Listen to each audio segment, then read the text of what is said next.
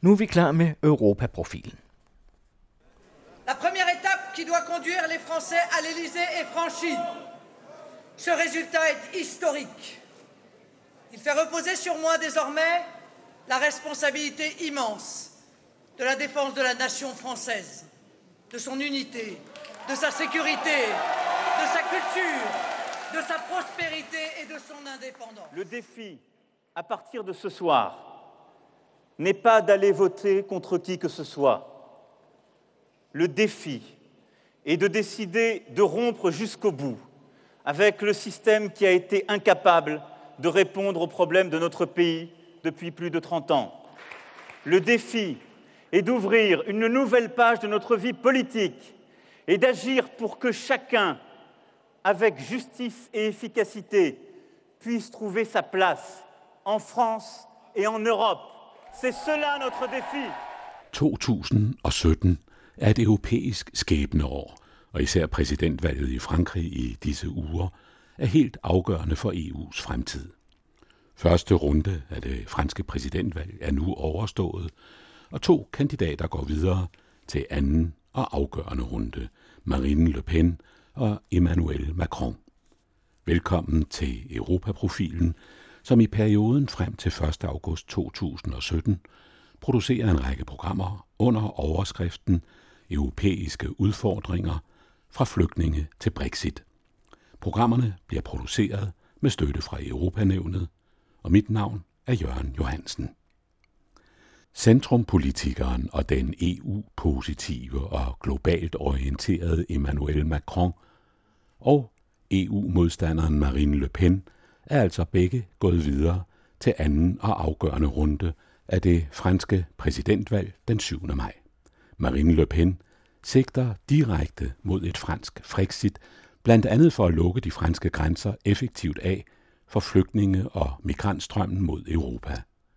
Men ikke kun det franske valg handler om EU, flygtninge og migranter. Næppe havde chokket over premierminister Theresa Mays lynudskrivelse af parlamentsvalget til 8. juni lagt sig før britisk presse begyndte at dramatisere valgkampen og tvivle på den jordskredssejr, som tegner sig for Theresa Mays konservative parti. Ikke overraskende sker det med henvisning til meningsmålingernes og analytikernes falske profetier forud for parlamentsvalget i maj 2015 og folkeafstemningen om Brexit året efter den 23. juni. Det skyldes selvfølgelig, at medierne i egen interesse ønsker at holde opmærksomheden i live frem til valgdagen, men også at britisk politik i lighed med kontinentets er blevet mere uforudsigelig de senere år. Hør politisk kommentator Ove Weiss sidst i udsendelsen. At de europæiske vælgere vandrer er forholdsvis nyt, men at mennesker vandrer, ja, sådan har det altid været. Mennesket har altid vandret. Folkevandringer og vendepunkter i historien er titlen på en bog, hvor arkeologen Jeanette Warberg tegner de store linjer i en fortælling, hvor nutidens folkevandringer sættes i perspektiv af fortidens. Annette Brun Johansen taler med Janette Warberg. Janette Warberg, i, øh, i disse år oplever vi bølger, næsten flodbølger, øh, af mennesker, der søger blandt andet mod Europa. Altså mennesker, der bryder op fra deres sted for at finde et nyt sted at bo. Er det, hvad man kan betegne som en folkevandring? Ja, jeg vil i hvert fald sige, at øh, da vi her i 2015 blev ramt af, af, af den her flygtning- og migrationsstrøm op igennem Europa, så taler vi altså over en million mennesker. Så har vi altså gang i en folkevandring. Men jo fra mange forskellige steder, der ligesom kanaliserer sig imod Europa.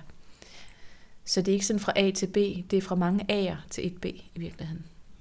Og de årsager, der er til, at, øh, at sådan en folkevandring finder sted, selvom det nærmest er lidt traktformet, kan man sige. Hvad, hvad, hvad er det for årsager? Øh, det vi ser nu er jo øh, i, øh, i sagens natur folk, der flygter fra krig og for, for nød, hungersnød og sult. Hvis vi kigger på Mellemøsten, så er det der, hvor vi har øh, kollapsede stater, som Syrien er et klokkeklart eksempel på, men jo også Afghanistan og Irak. Og hvis man kigger på, på Nordafrika og længere ned i Afrika, så er det typisk områder, hvor der er øh, meget lav produktivitet, altså der, der er ikke så stor beskæftigelse, der er sult, der er nogle klimaændringer, og, og så er der også den her nye teknologi som mobiltelefoner, der lige pludselig giver nogle informationer til, til unge mennesker, der gerne vil prøve at forandre deres livsbane. Og så tager det chancen over havet. Det vil sige, at der er i virkeligheden rigtig mange årsager til, at menneskegrupper flytter sig fra et sted til et andet. Ja, hvis man skal koge det helt ned, så er det jo, at, at de ikke kan lide at være der, hvor de er og tror, at de kan få det bedre et andet sted. Og det er jo det, der ligger i hele den øh, fremdrift, der er i mennesket som art, det er, at vi er vant til at gå derhen, hvor vi tror, vi kan få det bedre. Og det, det, det bryder jo ud i lys lue nu, kan man sige, hvor, hvor øh, det fænomen ligesom spreder sig og sætter et pres på Europa. Og i vores medietid, der kan enhver jo se, at øh, livsforholdene, leveforholdene i Europa er betydeligt bedre end så mange andre steder på kloden. Ja, og der er også de sociale medier, altså øh, migranterne er også på Facebook. Og her der er det de gode historier, der bliver spredt, fordi sådan er vi mennesker jo. Det er jo sjældent de dårlige historier. Der er jo modkampagner, der prøver at fortælle dem, at de kan ikke komme ind, og der er ikke. Men de hører bare om de der få mennesker, der har klaret den i Europa, og, for, og det er målet. Og så vil de satse alt. De vil satse alt.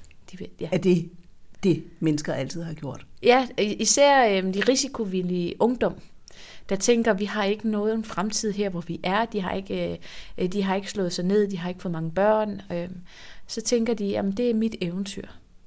Det kan være, at jeg er den heldige, der klarer den. Og det er jo i virkeligheden en meget menneskelig problemstilling, kan man sige. Ja, præcis. Og det er også derfor, jeg er gået ind og arbejdet med det her med migration og folkevandringer, fordi jeg kan jo se, at det er det, der har formet vores kultur rundt omkring på, øh, på jorden. Det er jo, fordi mennesket har vandret. Og det har vi altid gjort. Lige fra vi satte foden ud af Afrika, og lige meget hvor vi kom hen, så har vi sat præg på naturen omkring os, og når vi så er stødt ind i andre menneskearter eller vores egen art, så er der også opstået enten konflikter eller nye øh, kulturformer. Men efterhånden, som vi bliver flere mennesker på jorden, er den her, hvad kan man sige, vane for at flytte os, den bliver jo mere og mere øh, problematisk, fordi lige meget hvor vi vender os hen, medmindre det er til Nordpolen eller Sydpolen, så øh, er der andre mennesker. Og den problemstilling, øh, den er jo meget aktuel i dag, at det er problematisk. Ja, men, men derfor kan man jo, altså det jeg har, sigte jeg har med, med bogen, det er jo at forklare, at der er intet nyt under solen. Vi har gjort det rigtig mange gange før, så det bør jo ikke komme bag på folk, at folk de vandrer. Ender det så altid på samme måde? Nej, der er ikke Eller en folkevandring, der er ens. Der er, nogle, der er nogle, nogle, nogle ting, der går igen som man kan kigge på. For eksempel nogle at fællestræk. nogle fællestræk, som ligesom for eksempel klimaændringer er sådan en meget typisk ting, at, at hvis der kommer en klimaændring, der kommer noget tørke, så er der sult, udbryder konflikt, så er der nogen, der flytter sig. Det er ligesom sådan en, en, en motor, man kan se i, til mange tider. Men der er også andre faktorer, der gør sig gældende, og der er jo aldrig to folkevandringer, der er ens. Andet, man kan sige, at folk de flytter sig fra A til B. Du skriver, at, øh, at folkevandringerne hører tæt sammen med store, store forandringer i, øh, i historien. Ja. Altså de forandringer, at det for eksempel klima forandringer, klimatiske ja, forandringer. Ja, men også vendepunkter i historien, hvor man kan sige for eksempel sammenbruddet af romeriet, som, så, hvor der udløste folkevandringstid. E, efterfølgende det vestlige romerige brød sammen. Og det er jo en, det er jo en, det er en sammenfald af mange ting. For eksempel hunderne, der kommer fra, fra de centralasiatiske stepper og banker ind i Ukraine og Rumænien, og på den måde skubber til det folk, der hedder goderne, der flygter ind i romeriet for asyl, men bliver virkelig dårligt behandlet, sulter og til sidst gør oprør mod kejseren, banker ham i et kæmpestort slag, og så begynder de ellers at vandre rundt inde i romeriet. Det er en kæmpe æra, der ligesom stopper på grund af det vestlige romeriges sammenbrud. Og efterfølgende så har vi det, det vi kalder folkevandringstiden. Og det er det, som efter den tid, så, så ser vi så konturerne af det historiske Europa med de lande, vi kender i dag. Så det kan man da sige er et vendepunkt af de helt store. Og eksempler på andre vendepunkter? Altså i folkevandringstiden for eksempel? Jamen altså der øh, kan man, man kan sige, at øh, hvis vi går endnu længere tilbage, til, helt tilbage til bronzealderen, så kan man se sammenbruddet af, af middelhavsstaterne, øh, hvor man mest prominente er jo det nye rige Ægypten. Hvem har ikke set Luxor? De her kæmpe store paladser, der ligger langs med Nilen og kongernes dal osv. Hele den, den kultur, der var bærende for handlen i det østlige Middelhav, bryder sammen på grund af indvandring, blandt andet af et folk, der hedder havfolket, men også øh, skubbet i gang af libyske stammer, der trænger ind fra Vestafrika, Nordvestafrika, fordi at de, der er klimaforandringer, og de søger mad til deres munde, som Faro Minoptar han skriver. Så derfor der kan man se, at, at det er også et vendepunkt, for det efterfølgende, så, så bryder det nye rige sammen. Og så, så de store faraos tid hører op på det tidspunkt. Hvordan er Europa igennem tiden blevet, blevet påvirket af, af folkevandringerne? Ja, man kan sige til folkevandringstiden, nu er vi igen oppe i, i mm. 400-tallet øh, efter Kristi fødsel. Og der øhm, er det stort set sådan, at alle, nærmest alle folke, folk i Europa vandrer et eller andet sted hen. Et godt eksempel er vandalerne, der starter et sted i Polen, drøner ned omkring Rhinen, ned igennem Frankrig, den iberiske halvø, smutter over ved Gibraltar, erobrer det, det nordvestlige øh, Afrika og sætter ud for Karthago og angriber og plyndrer Rom. Så de når sådan hele vejen rundt som, som folk. Så det er sådan ligesom øh, symptomatisk for, for den her tid, at, at man, man tager chancen at vandre rundt, og, øh, og er med til at grundlægge for eksempel frankernes øh, rige, kommer jo efter romerrigets fald. Så, så det har øh, altså folkevandringstiden vendt op og ned på alting. Og vi selv her fra Danmark, øh, i Jylland, udvandrede til England, fordi der havde romerne trukket sig tilbage, og britterne, de var ligesom øh, blottede, kan man sige. De havde ikke rigtig noget militær forsvar, der rigtig battede. Og det så øh, øh, sakserne og anglerne og jyderne, og så invaderede de omkring 450 England og slog sig ned. Så de nordiske folk har også flyttet sig ud Ja, det har verden. de. Mm. Så når man taler om England, så er det faktisk Angelland, og når du taler engelsk, så er det engelsk. Og anglerne kommer sandsynligvis fra Nordtyskland og Sønderjylland. Hvis vi så taler om, om den nyere europæiske historie, så er der vel også mange, der har flyttet sig til ja, til Amerika, ja. Nordamerika, Sydamerika. Den, altså der er, indvand, der, er, der, der er indvandringen sådan set gået den modsatte vej. Ja. Det er os, der er udvandret. Og... Ja, det er det. Og øh, man, man kan sige, at efter middelalderen, så er det jo, at det er de store opdagelsesrejsende tid. Og til at starte med, så vidste man jo ikke, det var Amerika, man havde fundet. Øh, og det gik også træt med indvandring til at starte med, for sådan en, en sejlads tog et par måneder, for man skulle lige ned omkring de vestindiske øer, før man røg op omkring New York. Du skulle selv have din madpakke med til to måneders sejlads. Prøv at forestille dig at, at prøve at planlægge og tage mad med til to måneder, øh, hvor det rådner, og du sejler rundt i dit eget bræk og andres bræk, og det er virkelig, virkelig slemme forhold på de her skibsrejser. Så, øhm, så det var ikke noget, der lokkede til at starte med. Det er først i 1800-tallet, der rigtig kommer skub i indvandringen. Og så, og så går den hvorhen? Den går til, i hvert fald til, til Amerika. Nordamerika, altså New York, er jo det sted, der tager allerflest indvandrere. Man lukker først grænserne øh, efter Første Verdenskrig i 1920'erne. Er der nogle af de historiske øh, øh, folkevandringer, du vil sammenligne med det, der foregår i dag, altså folkevandringen mod Europa? Det, øh, det er selvfølgelig altid svært at, at sammenligne med fortiden, fordi vores detaljekendskab er, er minimalt i forhold til, hvad vi selvfølgelig har i dag. Men der er to folkevandringer, som jeg synes, der er ret interessante. For det første er havfolkets mm. indvandring mod øh, de store rigdomscenter i, øh, i Mellemøsten og Nordafrika interessant, fordi de kommer fra nord. Hvor langt op nordpå ved vi ikke. Vi, nogen snakker omkring syd for Alperne, der nogen, der tænker, snakker om Mellem-Europa. Det er svært at sige. Men, men det, der er interessant ved det, det er jo for 3.300 år siden, der var det i Nordafrika, og det var i Mellemøsten, at de rigeste stater lå. Det var her, man søgte hen, fordi det var der, hvor, hvor, hvor civilisationens vugge havde stået, og hvor man var rige og veluddannet, og havde et fællessprog, der hed arkadisk, og man havde nogle handelsforbindelser osv. Det er jo tankevækkende, at øh, i dag der er det lige præcis omvendt.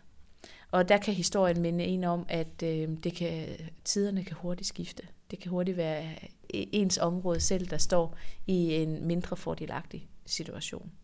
Og så også fordi den Balkanrute, man har op igennem Europa, er sandsynligvis dele af den, af den man også har brugt i bronzealderen. Altså den aktuelle ja. Balkanrute. Man har, man har jo gået de samme veje, man har krydset over havet de samme steder. Så for en arkeolog er det lidt sjovt at se, at de bruger de samme oplagte veje op igennem Europa. Og dengang gik man den anden vej? Eller? Ja, præcis. Det, det, det for mig, det sætter tingene i perspektiv. Og så den anden ting, der er interessant, det er jo, hvad, da goderne krydser Donau øh, i 376 efter Kristi fødsel. Fordi der er det første gang, at øh, i hvert fald meget bekendt, at man har noget, der ligner en asylpolitik hvor, hvor kejser Valens lader dem krydse 80.000 mennesker ifølge øh, den tids historikere.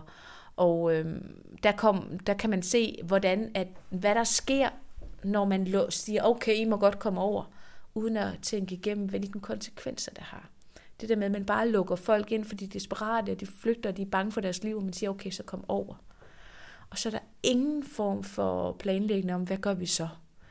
Og med al ære respekt for EU, så var det lidt den fornemmelse, vi andre, der sad og kiggede på, hvad der skete i 2015. Men tænkte, har de overhovedet altså har de ikke tænkt tanken til ende? Det var lige det, man, man stod, stod og overvejede lidt.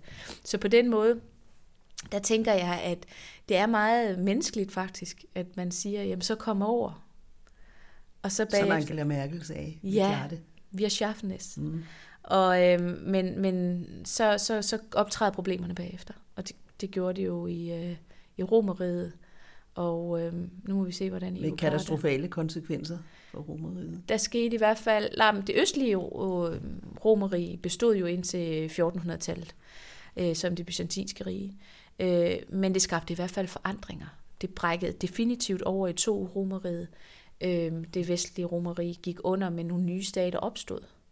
Så, så det er derfor også, at jeg siger, at øh, folkevandring er vendepunkter i historien, fordi jeg, jeg vil tro, at historikere vil se tilbage på den her periode og sige, at det var en af årsagerne til, at der skete forandringer. At der skete forandringer. Hvilke forandringer tror du så, hvis du sådan helt personligt med den baggrund, du har, skulle øh, forestille dig? Ja, det, det er jo meget svært at sige. Mm. Øhm, så nu er vi lidt ude i øh, forskellige overvejelser, men jeg tror egentlig, noget af det, der vil ske, det er, at øh, det, den frie bevægelighed i Europa vil blive indskrænket. Det tror jeg er en logisk konsekvens af det her. Og man kan jo allerede se Brexit, øh, mere koncentrering om, øh, koncentration omkring nationalstaten, at man lukker sig lidt om sig selv for ligesom at passe på det, man har, og tænker, nu man troede udefra. Så det, den, den drejning tror jeg egentlig, vi vil se øh, mere tydeligt de kommende år. Om det så betyder, at øh, Europa som idé forandrer sig, eller om man også klarer sig igennem det her, det kan jeg ikke spørge om. Men det, man kan spørge om, det er, øh, nytter det noget? Altså, kan det overhovedet lade sig gøre? Det bliver der jo gjort forsøg på.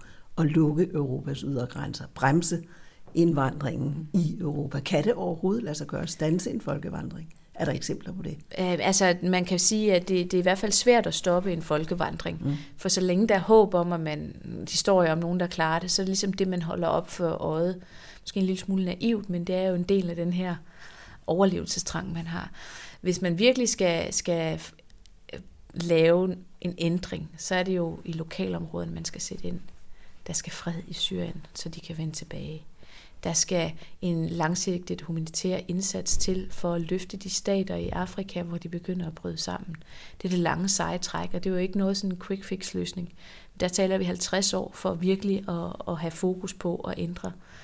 Øh, men, men fra arkeologens kedelige stol, så er det, der er det, det tørre trælse svar. Det er, at øh, man skal forbedre vilkårene. Prøve på at hjælpe med at forbedre vilkårene i de steder, hvor man kommer fra. Så man ikke har lyst til at rejse. Det er den bedste løsning. Det er det.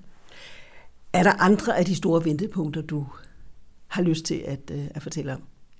Et af de vendepunkter, som jeg selv holder, holder rigtig meget af, det er også den, der er drevet lidt af oplevelsestrang. Fordi det er jo ikke, nu snakker vi meget øh, krig og elendighed osv., men der er jo også det her med, eventyr driver os afsted.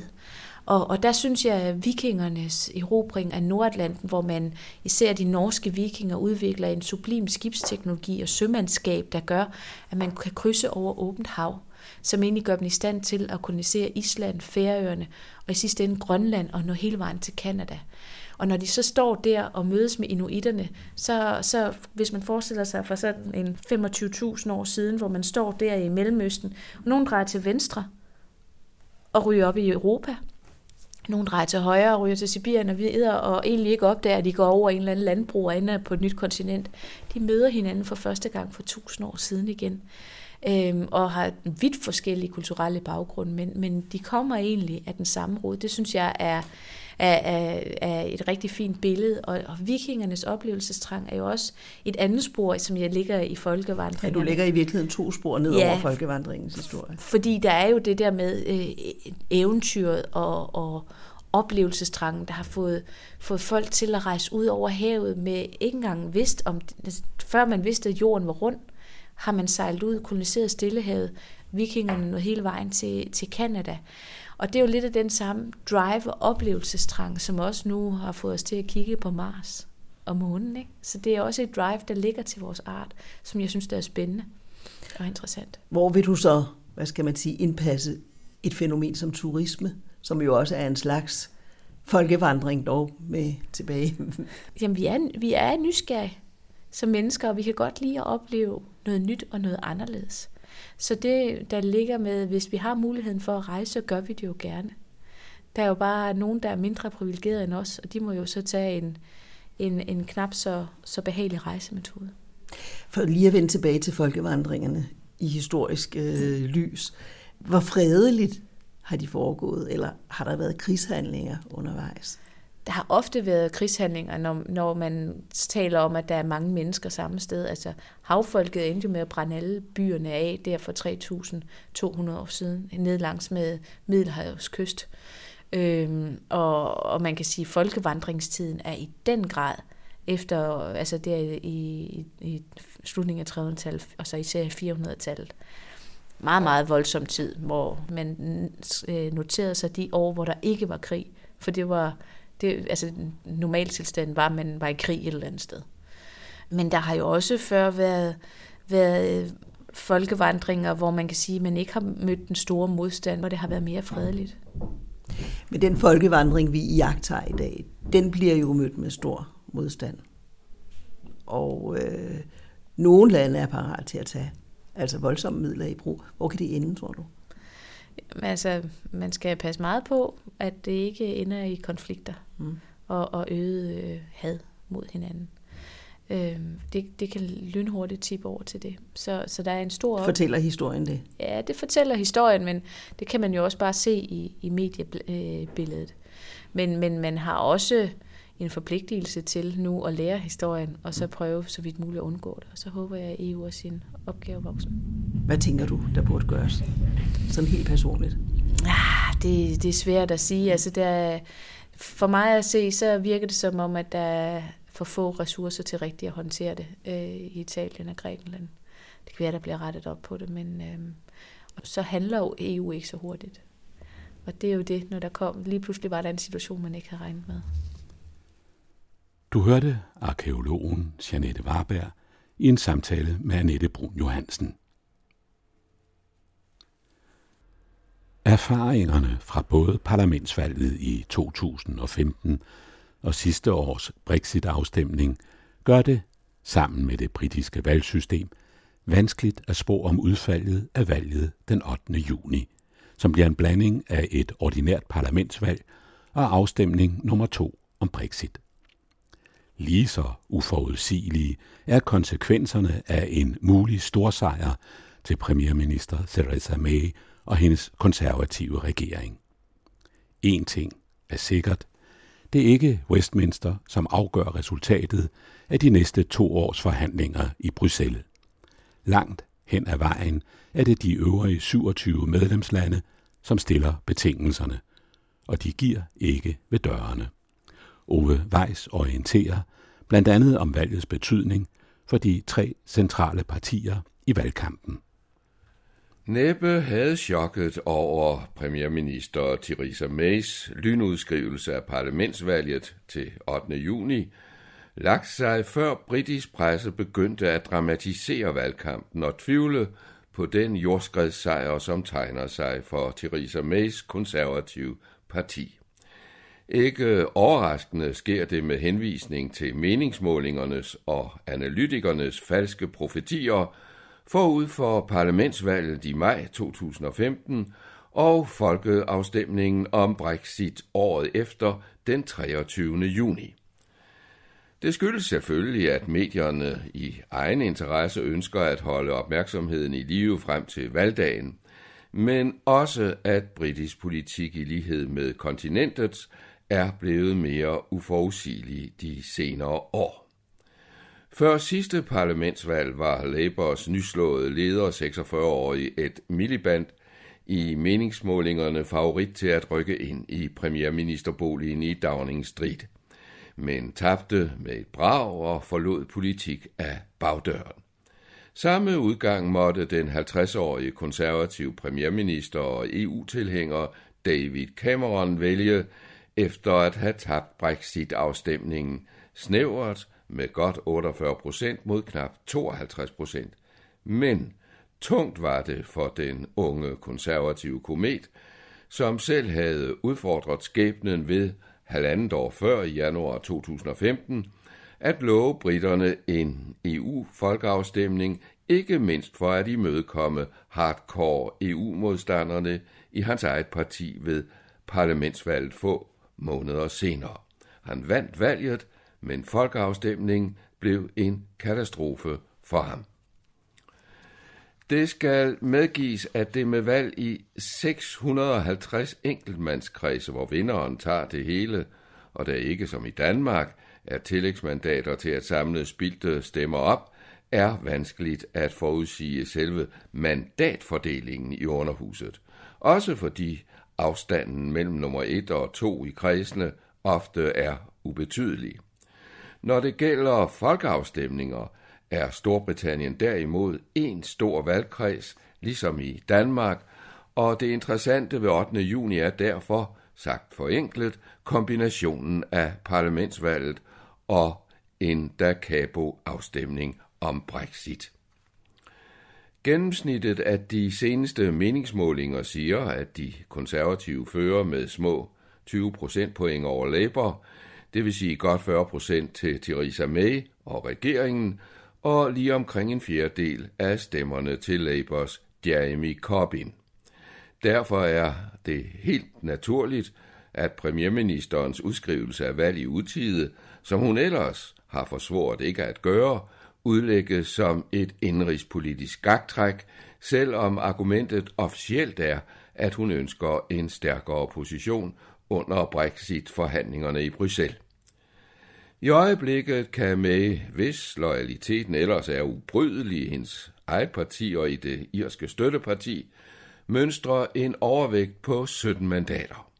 Holder prognoserne stik, øges afstanden i regeringspartiets favør med op til omkring 80-100 mandater, og det udlægges i den mere konservative del af britisk presse som en mulighed for, at Theresa May i de kommende to års forhandlinger med de øvrige 27 EU-lande kan stramme kravene til det ultimative og gå efter, hvad der kaldes en hård Brexit.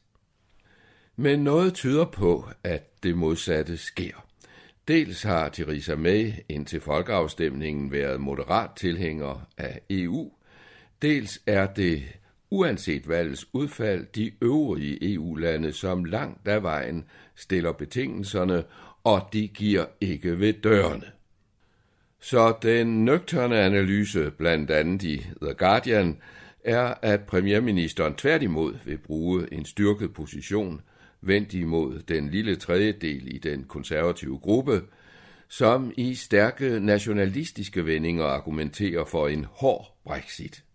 Hun kender vilkårene i Bruxelles, ikke mindst vanskelighederne ved at bevare en form for tilknytning til EU's indre marked, og stiler derfor mod den bløde Brexit.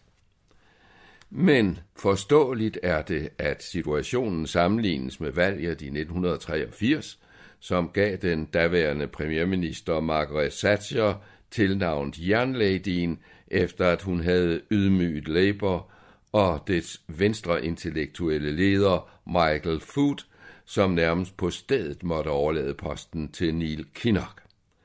Dengang stod det politiske slag om Falklandsøerne.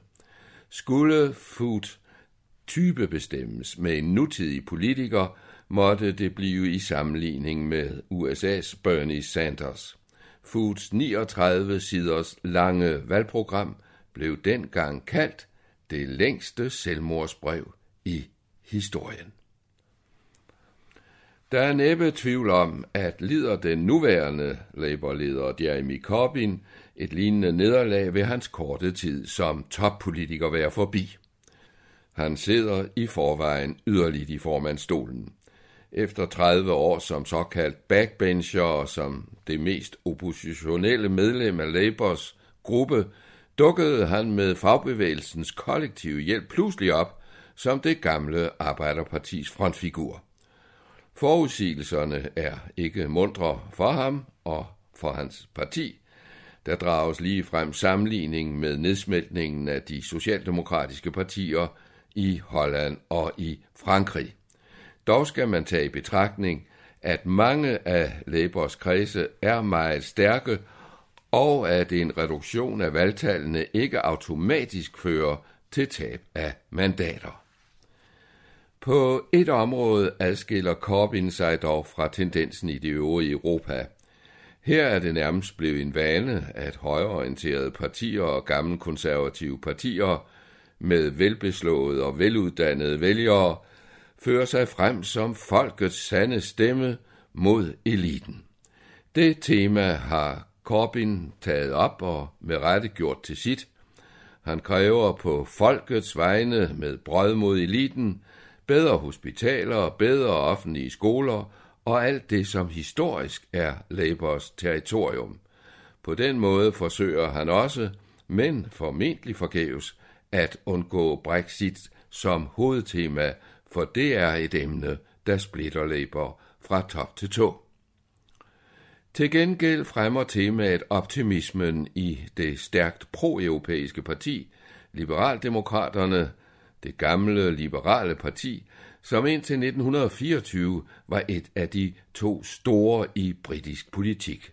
Oprindeligt Winston Churchills parti, indtil han i tide, i hvert fald for hans karriere, sprang til de konservative. Det liberale parti har ført en meget omskiftelig tilværelse, også efter, at øh, det i 1988 blev suppleret og for en tid stabiliseret af fusionen med Labors højrefløj, Socialdemokraterne, deraf navneændringen til Liberaldemokraterne. Ofte sammenlignes partiet med radikale venstre herhjemme, og rigtigt er det, at det i perioder har haft godt tag i yngre intellektuelle. Partiet stod for eksempel en overgang stærkt i universitetsbyer som Oxford og Cambridge, ikke mindst under dets modstand mod Storbritanniens deltagelse i Irakkrigen. Siden er tilslutningen dalet drastisk. Det skyldes ikke mindst, at liberaldemokraterne gik ind i koalitionsregeringen under David Cameron, og her blandt andet svigtede løftet om at forhindre afgifter på uddannelser. Gennemgående har de liberale dog holdt fast i landbrugerne. For eksempel er der en solid liberal tradition i og omkring Hereford, som vil være mange danskere pegent på grund af Herford-kvæget, som det kaldes hjemme. Liberaldemokraterne møder desuden en vis sympati i visse erhvervskredse, og minder derfor i nogen grad også om de tyske frie demokrater.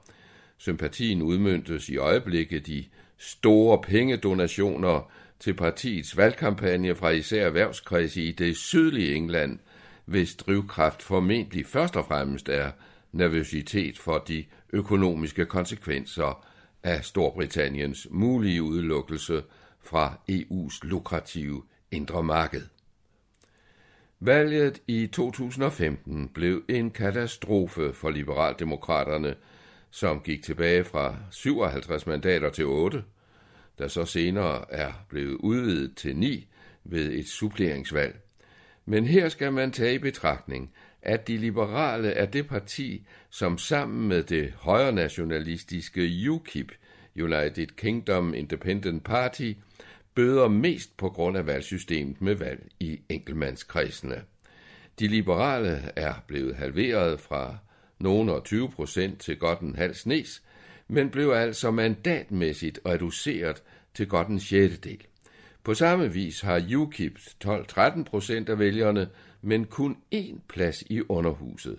Med andre ord, de to mindre partier har til sammen op mod 25 procent af vælgerne, men kun 10 pladser ud af de 650 i parlamentet.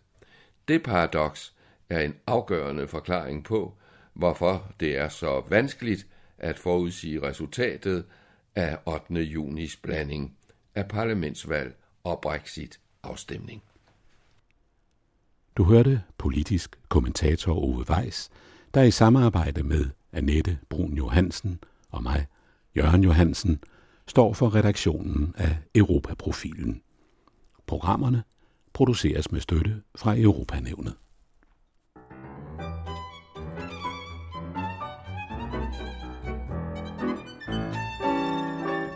Det her er den anden radio.